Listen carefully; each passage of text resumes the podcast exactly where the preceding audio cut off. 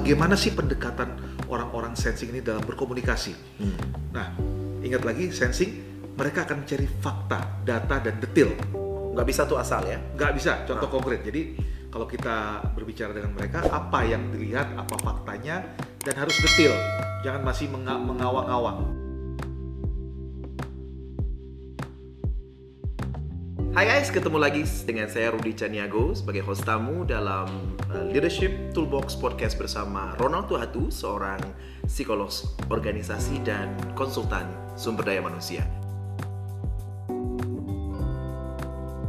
Mas Ronald, apa kabar hari Baik, ini? Mas Rudi apa kabar? Sehat selalu ya Mas Sehat ya. selalu, ya. Oke, Mas Ronald, eh, pada episode sebelumnya kita sudah membahas mengenai dua tipe yaitu extrovert dan introvert mengenai cara berkomunikasi.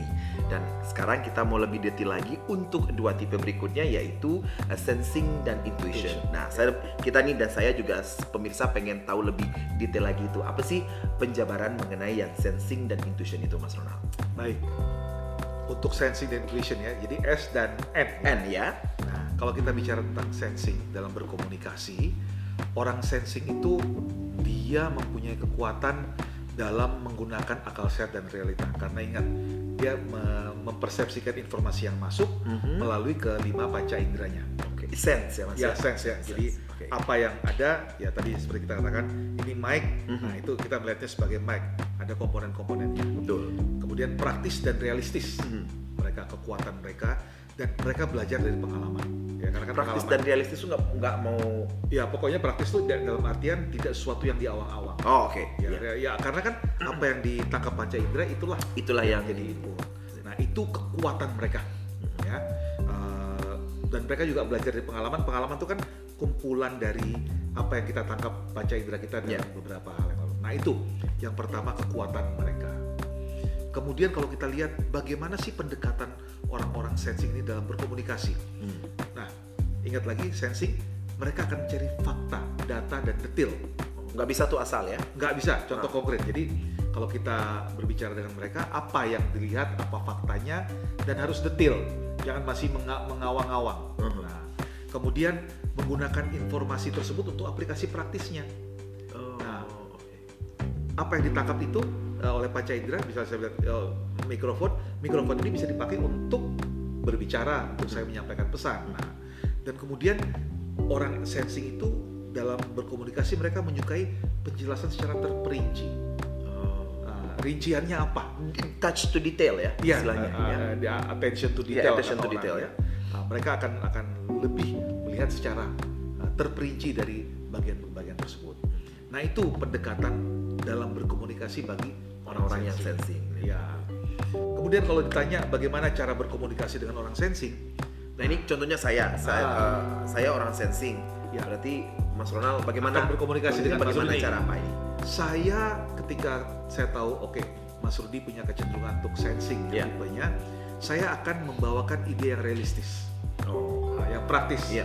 ya. Hmm. Jadi sesuatu nih Pak eh, Pak Rudi nanti kita akan membangun pabrik dengan marketnya sekian. Jadi sesuatu yang realistis, Hmm, hmm. bukan sesuatu yang masih di awal-awal. hmm.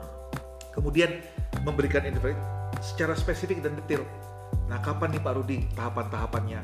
Eh, satu bulan pertama kita ngapain, dua bulan, tiga bulan. Jadi sudah terperinci saya, sudah siapkan secara terperinci dan eh, fakta yang disampaikan dihubungkan dengan realita. Nah, oh oke apakah misalnya bulan kedua mestinya kita sudah sampai tahap tertentu tapi ada kendala di lapangan nah jadi kita berikan secara jelas terperinci oh oke. Nah jika, ingat karena mereka akan mempersepsikan informasi secara apa adanya faktanya dengan menggunakan uh, li, uh, panca indera tersebut. Nah jadi itulah kalau saya harus berhadapan dengan uh, Mas Rudi yang merupakan atasan saya ketika saya menjelaskan sesuatu saya memberikan itu secara terperinci secara jelas dan detail. Hmm. karena Mas Rudi akan lebih mudah untuk mencerna itu. tapi ini juga bisa uh, implikasinya itu dalam teman sejawat, teman Hmm. berto- teman bergaul lah istilahnya Mas Ronald. Ini bisa terjadi juga kan? Ada orang yang sensing ya, ya lo kalau ngomong contoh mungkin kalau mau liburan ke mana gitu kan, itu Ya. kemudian harus benar detail-detail mau ke mana, bagaimanya ya. Betul. Berarti tidak apply cuma atasan, tapi juga dalam dunia Ya dengan rekan sekerja pun juga kalau Iya. kita mau memberikan informasi kepada teman yang kita tahu sensing, Iya, nah kita harus berikan banyak data dan terperinci. Otherwise dia akan Ya, dia akan menanyakan kita. lagi apa kenapa ini ini a- apa. Nah, jadi benar-benar kita mempertanyakan tuh secara detail. Ya. Nah, gunakan itu untuk mem- lebih memberikan kemudahan kepada Hmm. mereka sehingga mereka lebih bisa cepat memahami apa yang kita maksud. Menarik juga sebenarnya orang-orang yang bertipe sensing ini mas ya. Iya, Ya. Sensing Tapi ini- maksudnya kalaupun kita membahas sesuatu cepat kelar juga sih karena dia Ya. orangnya sat set sat set gitu ya, kan. karena dia sudah uh, apa langkah berikutnya. Ya betul. Itu itu orang sensing yang ada di kontinum yang sebelah kiri Iya. gitu nanti berbeda dengan orang yang intui- intuition Intuition. Ya. Yang, yang N ya. yang N. Hmm. Nah, karena orang intuition tuh terbuka untuk segala kemungkinan.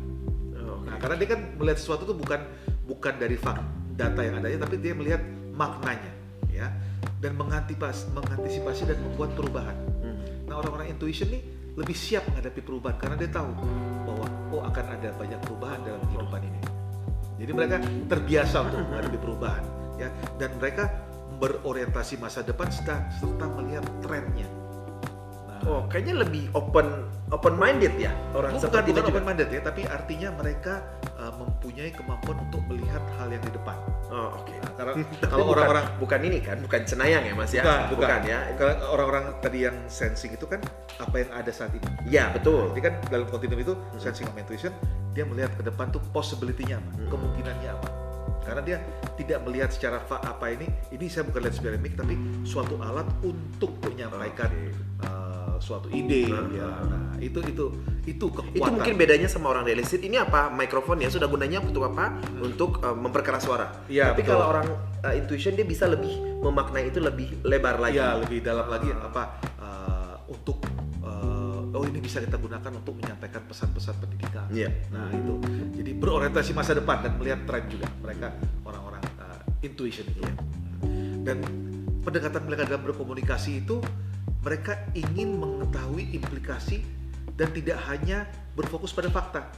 Oh, Oke. Nah, artinya begini, misalnya kalau Mas Rudi mau uh, bertanya gitu ya, bagaimana kalau kita harus pengurangan karyawan? Iya. ya Mas Rudi tipe bos saya yang intuition dia ingin tahu juga dampaknya oh eh, karyawan itu berapa anaknya nah Hmm. tidak hanya fakta jumlah karyawan lima tapi ternyata jumlah karyawan lima satu orang punya istri satu anak tiga rata-rata Hmm. berarti kan bukan saja satu orang yang tidak mendapat ini tapi ada berapa Oh. orang tertanggung gitu ya Oke. nah Kalau yang ini tuh sambil segaris merahnya lah yang tadi Mas Ronald bilang adalah orang intuisi itu adalah uh, berpikir panjang ke depan. berpikir ke depan Jadi ya. dia itu impact ke depannya itu apa? Apa? sudah difikirkan sebelum melakukan sebuah keputusan gitu ya.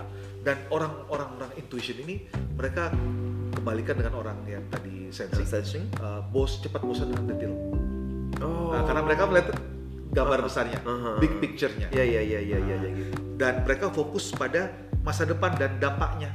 Selalu mereka ke depan dan dampaknya apa? Dampaknya terhadap uh, Ya, keputusan yang diambil. yang diambil itu Iya. relatif apakah orang, lingkungan ataupun institusi dan lain-lainnya gitu ya Mas Baru Nah, kemudian cara mereka ber, bagaimana cara kita ber, ber- uh, berkomunikasi dengan orang-orang Meng- menghadapi orang yang intuition lah ya Mas ya. Ya, jadi kalau misalnya Mas Rudi uh, atasan saya, saya akan memberikan gambaran secara umum dulu sebelum masuk ke detail. Hmm. Nah, jadi ini Mas Rudi, wah, pembangun Pak Rudi nih, pembangunan pabrik kita akan berlangsung sama 6, satu tahun. Nah, ini tahapannya. Nah, saya nggak akan masuk detail hmm, hmm, hmm. Kalau nggak ditanya. Kalau nggak ditanya, oh, oke, Ya. lebih kepada garis besar Ya. dan sebagai apa prolog atau Apa pembuka. apa dampaknya? Apa dampaknya? Jadi ada key milestone-nya apa aja. Hmm. Jangan kasih mereka cepat bosen dengan detail. Ya orang jadi jangan kasih detail kepada orang yang intuition. Nah, kemudian eh, eh, berikan tema-tema utama dan tambahkan detail hanya bila dirasakan perlu. Ya, perlu. Iya, kalau mereka tanya baru.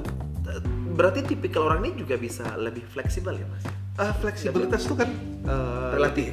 relatif ya. Ah. Tetapi artinya bukan mereka hanya ingin tahu gambaran besarnya karena mereka mau melihat pola-polanya saja. Nah, beda dengan orang sensing tadi, dia mau lihat sampai detailnya. Nah, karena ketika saya melihat, dia, saya melihat tuh bagian ini, ya, bagian-bagian tertentu. Iya. Tapi ketika orang uh, Ah. intuition melihat, dia melihatnya sebagai suatu kesatuan. Nah, itu yang membedakan antara, Antara orang, orang sensing. sensing dengan orang Iya. intuition itu. Jadi itu kalau kita uh, berhadapan dengan rekan kerja atau apa orang yang intuition, mereka suka kalau kita ajak bicara dengan tema-tema besar. Yang eh, Karena kan mereka melihat pada nilai. ya ya ya ya, Ah. yang intuition ya mas ya? Yang intuition. Ya, ya, betul Ya. betul. Jadi kalau orang kenapa orang nggak pakai masker? Nah mereka coba melihat kenapa sih, apa yang membuat mereka tidak pakai masker? Apakah karena kondisi fisiknya atau nilai yang mereka anut yang berbeda? hmm. Nah jadi kita harus melihat Hmm. di balik itu, Iya, iya, iya, iya. tidak hanya uh, fakta bahwa oh orang itu tidak pakai masker dan dia sehat. Nah, Kan kalau gitu. kita ambil contoh orang-orang realistis itu, oh, oh, sorry, orang yang sensing itu lebih lebih harus mewajibkan buat diri itu memakai masker berarti ya, karena itu suatu keharusan. Uh, uh, dia, juga. dia melihatnya bukan sebagai suatu keharusan tapi sebagai fakta. Fakta. Oh, oke. Nah, jadi kalau lihat Kalau lu nggak pakai, uh, sa- saya akan mudah terkena eh, uh, penyakit, Penyakit, ya, gitu. saya akan ter- tertular Hmm, misalnya. hmm, hmm. Oh, saya melihat di daerah saya tingkatnya tinggi, orang banyak berkumpul. Nah, mereka melihat faktanya. Iya. Oh, faktanya ini, oh saya pakai. harus pakai Uh, masker. karena ini akan melindungi saya. Hmm. Tapi kalau orang intuition, mereka akan melihat, uh, oh ini melindungi, sehingga kalau saya pakai ini, ya, uh, saya nanti bisa melindungi orang tua saya, keluarga saya di rumah karena saya sering keluar rumah. Nah, jadi lihat nilainya ya, bukan Iya, karena betul. jumlah nggak peduli jumlah orang yang tertular itu uh, apakah tinggi atau rendah, dia melihat nilainya. Nah itu itu perbedaan antara orang Yang uh, sensing, sensing dan, dan intuition. Menarik sekali ya Mas ya, eh, untuk eh, pembahasan kedua ini masalah sensing dan dan intuition ya. Uh, kalau kita melihat lagi ya dalam beberapa hal ya, Hmm. uh, pada beberapa pekerjaan itu nanti biasanya juga akan mempengaruhi kita ya. Misalnya orang-orang yang bekerja pada bidang keuangan membutuhkan ketepatan angka, biasanya itu mereka akan terlatih dengan sendirinya untuk lebih banyak S-nya, sensingnya, karena kan Oh, data. lebih lebih Ya, data ya, ya betul ya. betul. Tetapi karena kalau orang-orang yang misalnya bekerja pada bidang profesi pelayanan kemanusiaan, psikolog, se- kemudian social Oh, worker, worker. Oh, oke. nah, mereka kan melihat Lebih nilai ke- kehidupan, Oh, N-nya, bukan melihat manusia itu bukan oh satu orang, dua orang, tiga orang, tapi melihat oh ini adalah manusia. Ap- apakah lebih baik ini yang bukan masalah lebih baik, tapi yaitu saling komplementer. Jadi bisa dibilang kadang-kadang sudah memang sudah di direct aja gitu ya karakter saya sensing ya Hmm. jenis pekerjaannya begini karakter saya orangnya intuition Iya. ke sini secara otomatis kadang-kadang ya Bisa, ya. jadi makanya uh, MBTI ini kan juga bisa kita gunakan untuk karir.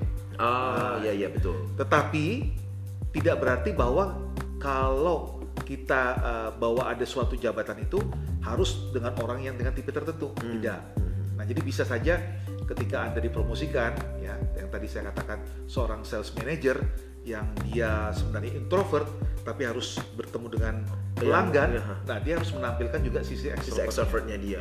Nah, sama ketika sensing intuition, ketika Anda harus memberikan misalnya laporan keuangan, ya kan kita nggak bisa bilang laporan keuangan baik. Kan Iya, iya, iya, betul. Kantor pajak kan nggak akan terima apa baik, tapi kita mau melihat, oh eh, rugi laba, Iya. nah pemasukan, nah itu semua harus tertera secara lebih jelas. Nah, jadi ada pekerjaan-pekerjaan tertentu yang memang menstimulasi gaya tertentu. Mhm. Nah, tetapi kita kan punya repertoar ya, Ya. Ke- eh, tidak hanya satu gaya, mhm. nah, satu tipe, tapi kita punya beberapa yang bisa kita gunakan sesuai dengan eh, lingkungan. Dalam ya Mas ya. Kalau Ya. dibahas tuh panjang eh, buat Harus buat ada kalian, guys. simulasinya Harus ada memang. simulasinya. yang kemarin kita bilang memang ini enaknya itu harus ada simulasi, tapi karena keadaan dan situasi tidak memungkinkan, paling tidak kita sudah membahas ini secara eh, detail dalam Ya. podcast kali ini. Ya. Oke, makasih banyak Mas Ronald. Senang sekali Sama-sama, kita membahas dua tipe hari ini yaitu masalah uh, sensing dan uh, intuition. Oke guys, kalian ikuti terus uh, episode berikutnya yang menarik dari podcast bersama saya Rudi Caniago dan Saya Ronald Tuhatu. dalam Leadership Leadership Toolbox Toolbox Podcast.